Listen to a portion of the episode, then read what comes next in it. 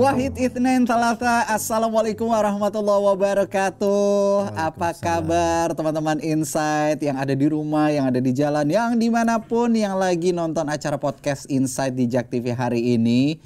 Semoga sehat walafiat, dikasih keberkahan, dikasih amin, kelancaran. Amin, amin. Ya robbal alamin. Seperti biasa, kalau Insight mulai ada host ganteng dan rupawan Sahil Mulahela di sini udah siap nemenin uh, teman-teman di Insight sampai dengan selesai nanti dan kita akan ngobrol-ngobrol sama bintang tamu yang luar biasa juga narasumber yang luar biasa juga pokoknya di sini kita akan ngobrolin apa pun tentang kehidupan yang paling penting adalah buka mata, buka hati, buka pikiran supaya apa? Ilmu bisa masuk di situ, ya kan? Hmm. Kalau ada perbedaan, jangan pernah dibawa baper sama sekali ya.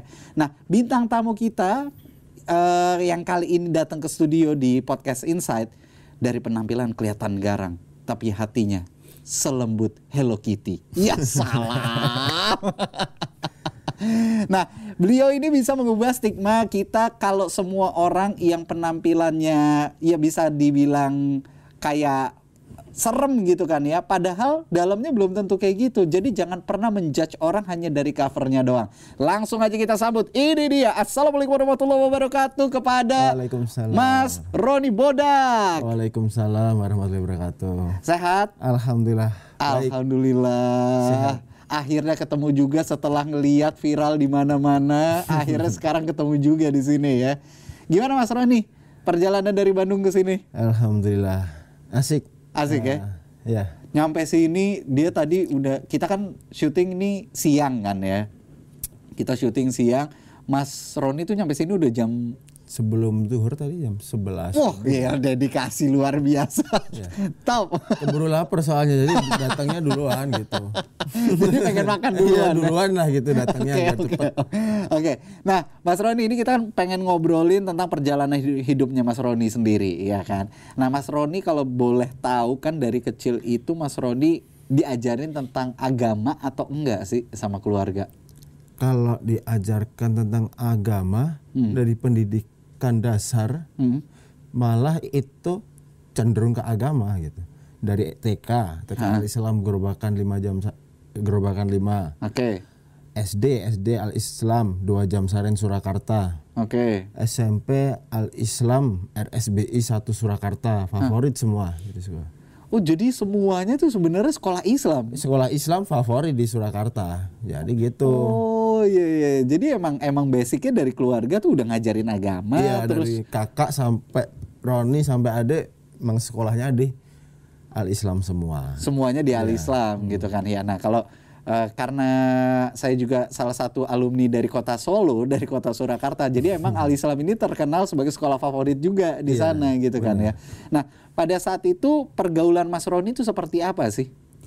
Kalau dibilang pergaulan mungkin dibilang bebas, nggak bebas, tapi terlalu bebas. Bebas? nggak bebas tapi terlalu bebas. Bentar, bentar. Sulit gua lagi, kan? Gue lagi nyerna nih. Bebas. bebas nggak bebas tapi terlalu bebas. Gitu. Ada yang paham kagak? Sulit kan? Nah, saking sulitnya jadi kayak gini nih. nah, tapi kan memang pergaulan kalau kita lihat pergaulan antara kota Surakarta sama pergaulan Jakarta itu kan beda banget ya, gitu kan benar. ya.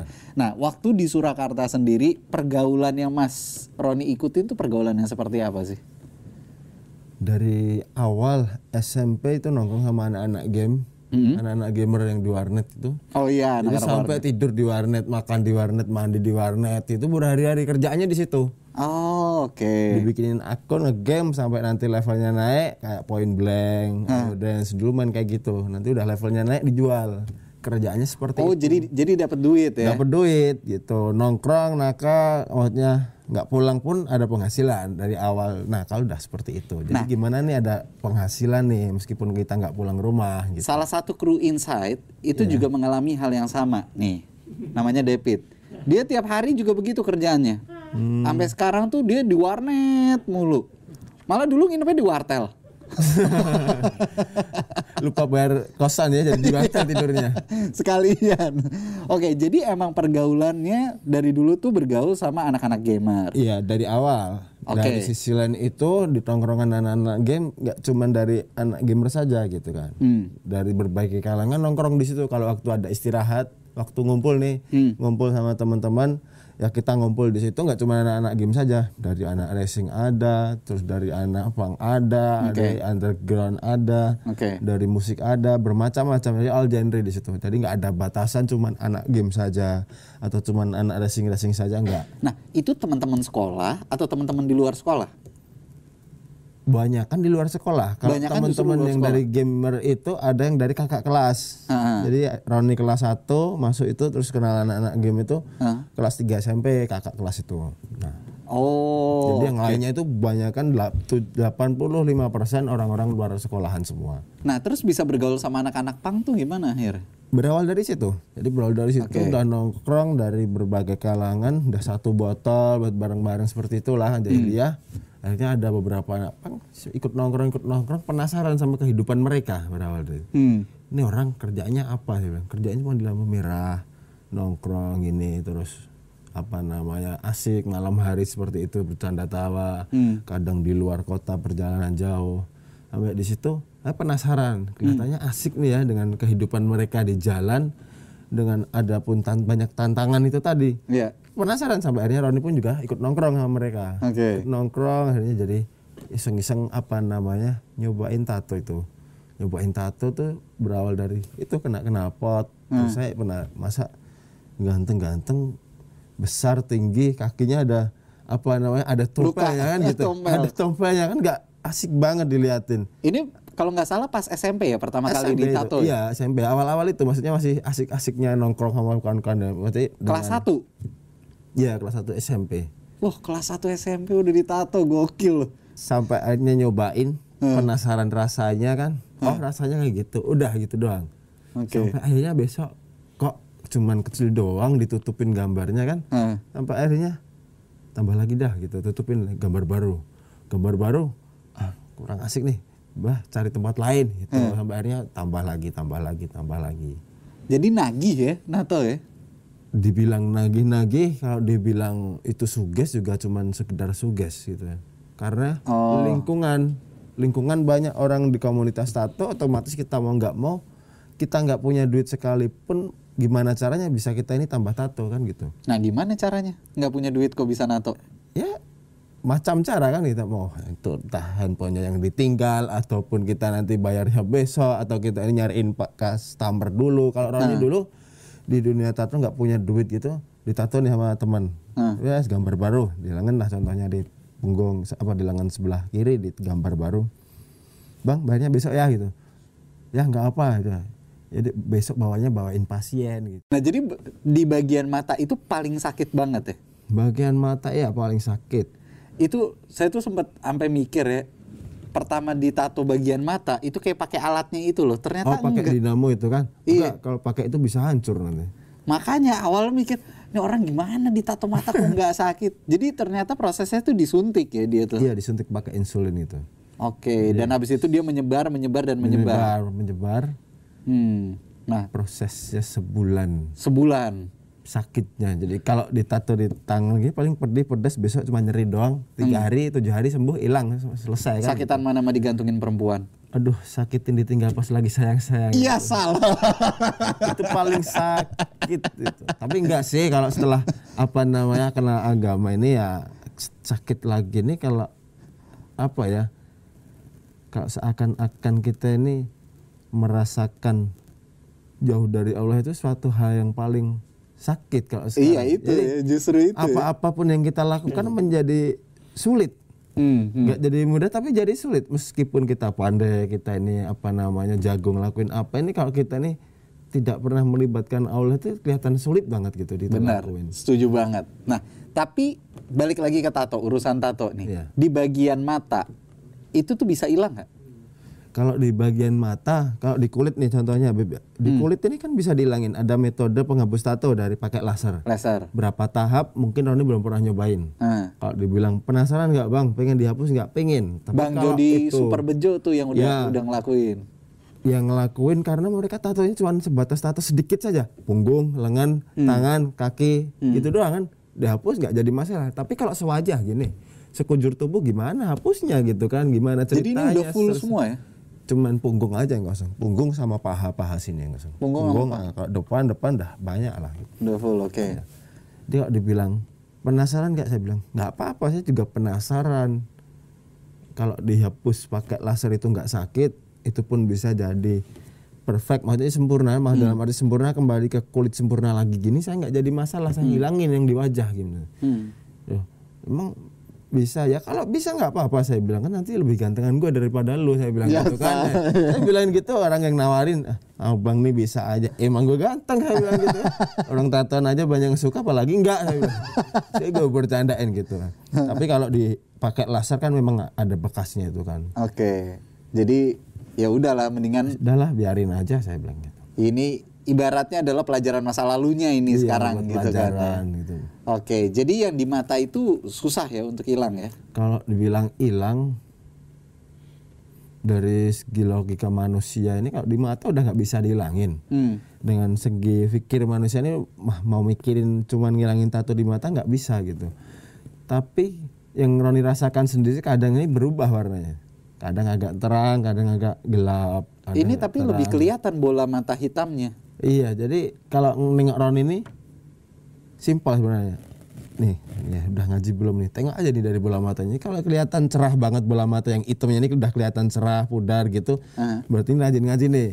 Nah, tapi kalau udah redup lagi gelap lagi itu wah ini jarang ngaji. Dah itu Oh, doang. jadi tapi nggak banyak orang yang tahu gitu. Jadi justru kalau ngaji itu jadi terang. Jadi terang ya, kelihatan lebih terang. ya. Jadi ada perubahan bukan dari Roni sendiri yang tahu. Jadi udah selam semenjak ngaji tiga tahun ya kurang Hmm. lebihnya waktu ketika ngaji di majelis Hmm. sama teman-teman komunitas itu yang di Solo dibilangin, bang, saya ini dari kemarin liatin abang ini ada yang beda. Beda apa itu? Emang saya beda dari yang lain saya bilang kan. Daripada Hmm. yang lain saya emang orangnya beda gitu. Bukan masalah itu bang gitu. Kan itu ditato kan yang sebelah kiri bola matanya gitu. Iya emang ditato gitu. Tapi kok saya perhatiin berbulan akhir-akhir ini maksudnya udah berapa bulan terakhir ini saya perhatiin ada yang berubah gitu. Nggak kayak kemarin-kemarin sebelum apa waktu kena masih jahiliyah kita gitu. Maksudnya gimana? Itu di mata yang ditato itu kelihatan agak pudar kalau sekarang gitu. Dia bilang gitu. Maksudnya, maksudnya pudar ya kelihatan aja kelihatan agak pudar jadi terang aja warnanya nggak jadi Iya, gelap iya. cenderung terang lah pudar gitu. Nah, Ya, wallahu alam saya sendiri malah nggak pernah ngeliatin, berarti nggak pernah merhatiin bagian organ tubuh sampai sedetail itu kan itu. Tapi saya dari kemarin mau ngobrol ini mau tanya masalah tato yang di mata itu masih takut saya mungkin takutnya nanti kalau nyinggung perasaan gitu. Tersinggung. Enggak, ah, saya bilang nggak apa-apa tenang aja gitu. Iya, iya, Roni mah orangnya nyantai slow saya bilang. Nah, tapi pernah nyesel nggak setelah hijrah terus ngeliat waktu berkaca gitu kan ya? Terus Mas Roni kayak kenapa gua ngelakuin ini semua? Ada nggak penyesalan itu? Kalau rasa nyesel sih mungkin nggak ada pikiran nyesel ya maksudnya mungkin malu ada. Jadi kalau dibilang nyesel pastilah namanya orang setelah melakukan suatu perkara yang tidak baik pasti ada penyesalan kan gitu. Hmm. Tapi kalau dibilang sampai nyesel banget gitu karena dulu udah jadi pegangan dulu. Sampai sekarang pun kalau orang bilang ada orang ngeliatin ini dikasih tato apa orang tatoan pakai gamis kemudian dicengin orang itu udah masa bodoh. Jadi dulu di jalan aja tatoan sampai muka, sampai kepala dan lain sebagainya ini ada orang ngecengin, ah Ron ini udah gila ini. Emang gua gila saya bilang. Hmm. Sebelum orang ngatain gila, Roni sendiri udah ngatain diri saya gila sendiri. Udah ngeluarin statement itu Iya udah, duluan. emang gua gila kalau nggak gila nggak bakalan kayak gini gua saya bilang gitu kan. Hmm. Jadi orang mau ngatain udah mental terus gitu. Jadi udah nggak peduli lah jalan ke mana udah slow aja gitu. Hmm. Sampai akhirnya ke bawah macam image-image seperti itu bawaan dari Diri. waktu di jalan iya dari diri itu sampai hijrah maksudnya sampai belajar saat ini sampai sekarang pun ada orang di berbagai masjid yang kita belum kenal baru datang pun ada orang bisik-bisik itu udah biasa gitu nggak jadi masalah lah maksudnya bukan jadi ini jadi penghalang Roni buat ngaji atau buat sholat ataupun buat amal agama nggak jadi kadang itu malah menjadikan semangat gitu kan Iya, iya, iya. orang bisik-bisik saya bilang cuman Roni ang- nanggepin paling ada orang bisik-bisik tuh di pojok sana habis wudhu masuk masjid ada bisik-bisik alhamdulillah didoain sama orang Intinya tuh malunya tuh adalah ketika awal-awal saja. Awal-awal Iya, ya. berawal satu tahun pertama itu Roni belajar di pondok pesantren Takmirul Islam Hmm. di tempatnya Kiai Haji Abah Ali dan Kiai Haji Muhammad Ali Naharus Surur dan Muhammad Kiai Halim Naharus Surur kan, di pondok pesantren di Takmirul itu. Nah di situ di sini di sebelah kiri jalan ini pondok pesantren ada kayak tempat buat singgahnya beliau yang khusus buat jamaah. Jadi emang jamaah bisa keluar masuk di situ istirahat di situ makan dan ngaji di situ dan sebagainya.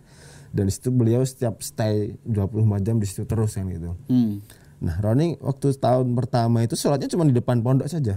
Mundar mah dari subuh duhur asar maghrib isya, mundar mandir situ aja. Nggak pernah namanya pindah masjid jumatan pindah masjid nggak pernah. Hmm. Selama satu tahun kan itu. Karena malu itu tadi. Malu, iya berbulan-bulan hampir satu tahun saya cuma jenuh saja setelah itu jenuh kan. Oke. Kenapa ya saya bilang kok hidup gua monoton banget gini terus kehidupan kayak gini nggak asik kurang lah maksudnya nggak ada tantangan akhirnya pulang ke rumah Si gitu. doyan tantangan. akhirnya pulang ke rumah ada orang lu bener tobat saya bilang Hah. saya cuma diam "Eh, doakan ya saya bilang gitu doakan saja Oke. Ada orang yang eh, lu udah bangun belum mas ntar masih ngimpi apa pakai pakaian kayak gitu nggak ke masjid gitu kan? Ya bilang iya saya masih ngimpi gitu di alam mimpi nanti kalau kita udah bangun bangun kita nanti di apa namanya di akhirat itu ah, kita ini baru bangun hidup Iya, yang iya, nyata itu di sana nanti saya bilang gitu. Oke. wah kamu ini udah gila. Emang saya gila? Ente nggak usah ngatain gua gila Roni gila gua udah gila saya bilang Iya iya iya iya. iya. Nah tahun lalu tuh kalau nggak salah ayah meninggal ya. bukan tahun lalu tiga tahun Oh udah tiga tahun ya. ya 2000 berapa 17 16 Oh. empat tahun Oke, Empat beberapa lima tahun yang ya, lalu. beberapa tahun. Beberapa tahun lalu ayahnya Mas Roni itu meninggal. Iya. Terus eh, kemudian kan tinggal ibu ya. Ibu Iya. akhirnya pindah ke Jakarta. Ya, bukan ibu di Jakarta, Ibu di Jakarta. eh, eh, bapak dimakamin di Solo, ibu balik Jakarta lagi sebelum Hmm. Oke. hijrah itu jadi Tapi Mas Roni di Solo. di Solo. Oke, nah pada saat di Solo itu kan ibu di Jakarta, bapak udah nggak ada. Nah itu gimana kondisinya Mas Roni pada saat itu? Kalau dibilang nggak kondisi udah nggak selayaknya orang nakal. Kalau orang nakal kan kadang masih pulang. Nah, Itu udah nggak karuan. Rumah itu udah jadi markas gitu, udah tempat persinggahan, tempat transit dan dan sebagainya. Ya buat maksiat-maksiat dari situ semua. oh jadi di rumah semua, Iya, di rumah semua ya. Memang modelnya di luar permisi studio tato tapi dalamnya buat apa-apa itu ada. Tapi bukannya ibunya katanya sempat bilang untuk balik ke Solo gitu? Ibu bilang itu sebelum Roni hijrah. Jadi ibu cuma minta aja Mas Roni, ibu pengen pulang ke Solo. Mas Roni buat ngaji lagi, buat sholat lagi. Saya cuma waktu nelpon di telepon kan, di telepon itu saya bilang, ya bu Bismillah saya bilang gitu. Hmm. Udah cuman bekalnya Bismillah saja. Oke. Berawal dari situ berapa minggu, berapa bulan kemudian saya putusin buat ke, datang ke pondok tadi tuh. Hmm. Pondok ta, ke pondok Takmirul itu pernah satu orang datang yang apa namanya ngajakin buat ngaji waktu jahiliyah datang. Hmm. Ntar kalau pengen ngaji di pondok pesantren Takmirul Islam tempatnya Abah Ali. Di situ teman-teman banyak gitu kan. Hmm. Teman-teman yang pakai tato juga banyak. Hmm. Sampai singkat cerita setelah teringat tempat itu yang disampaikan sama apa namanya saudara itu, saya mau nggak mau harus datang ke sana gitu. Hmm. Datang ke sana, di sana terus ketemu sama beliau sama Pak Kiai juga, Hmm. belajar di sana. Ya selama kurang lebih berapa bulan kemudian, eh, tiga bulan sampai enam bulan tuh baru ibu datang ke rumah gitu. Nah pas pertama kali belajar itu ngalamin su- kesusahan gak sih? Kalau kesusahan pasti ada lah namanya orang dari dulunya kita saja contoh seperti ini. Buat kita berbuat hal-hal yang kurang baik ya, Hmm. maksudnya hal buruk kurang baik ini kita nggak pakai niat aja kesampaian, apalagi pakai niat Hmm. pasti kan kesampaian pakai banget kan gitu. Hmm. Begitu pula dengan kita berbuat baik, pengen berbuat baik kepada diri kita sendiri lah terutama. Pengen belajar seperti itu. Kita udah niat ngelakuin, berusaha, pasti kesampaian meskipun entah rintangannya bermacam-macam gitu. Hmm. Hmm. Pernah ada suatu ketika ngaji pertama kali itu baru baca Al-Fatihah belum selesai. Ada orang datang. Eh, Bro. Ente ngapain ditata sampai muka-muka ngaji gitu kan. Hmm. Saya cuma diem deng, aduh ini ngapain? Ini tengok kakinya ini tatoan juga, tapi ini kelihatannya orang apa tato-tato apa nah di tahun 98 puluhan lah. Maksudnya orang-orang udah lebih tua daripada Iya, Roni iya. gitu kan. Jadi tatonya nggak ada yang bagus kan gitu. Hah. Ah, ini paling orang-orang tua ini satu nggak ada yang bagus. Saya bilang gitu. Dong dalam hati kan waktu mau ngaji ikra itu ngulangin al-fatihah belum selesai. Sama guru ngaji dibilangin. Ya udah ulang lagi mas Roni. Ya pak. Ya pak Ustadz saya bilang. Ulangin lagi. Dianya tuh nggak pergi datang lagi. Eh ente ngapain ngaji gitu kan lagi kan saya berhenti lagi ngaji. Diem. Sampai tiga kali dikatain kayak gitu lagi terus sama guru ngaji itu bilang eh antum kalau nggak pergi saya pukulin nanti di sini gitu kan. Ada orang ngaji diganggu. Kamu ini ngaji berapa tahun bisa baca Al-Quran? gitu kan. Hmm. ini orang baru datang bisa maksudnya permisi udah mau sampai ikro 4 ikro 3 ikro 4 langsung gitu kan habis. Datang atau, atau buka ikro langsung bisa gitu. Nah akhirnya setelah Mas Roni milih jalan hijrah nih, milih ke jalan yang benar, pergaulan sama teman-teman yang sebelumnya tuh seperti apa? kalau dulu memang sama teman-teman ada yang baik ada yang support ada yang enggak ada yang masih nawarin ada yang ini dan ini pun Anak Itu pang tuh kan solidari- solidaritasnya kuat banget kan? tapi dengan apa namanya kita nih jarang ketemu Hmm. mungkin dibilang sampai bertahun-tahun nggak ketemu kita ketemu sekali gitu yang dipikirin bukan itunya lagi ada yang sampai saking solidnya Hmm. mereka itu saking pertemanannya kebersamaannya mereka ini sang- saking baiknya itu kita jumpa bukan kita ditanyain buat masalah hal-hal buruk lagi enggak. Hmm. yuk ngopi yuk itu kan. Tanya yuk ngopi saya pengen ngobrol nih udah lama kita nggak ngobrol. Jadi udah nggak mikirin masalah alkohol narkoba nggak dipikirin sama mereka. Mandang negatif atau dibilang ah ini orang sok suci pencitraan doang gitu. Ya emang gue pencitraan sama Tuhan saya saya bilang gitu Wah, sama Rob cakep. kita kita kalau nggak pencitraan gimana kita mendapatkan surga gitu Itu kuncinya pencitraan sama Allah Allah. Subhanahu wa taala. Kita pencitraan sama yang menciptakan kita saja kita nggak pernah kan gitu. Gimana kita ini mau mendapatkan surga yang menciptakan kita kan gitu. Talata Ithnan Wahid. Wassalamualaikum warahmatullahi wabarakatuh.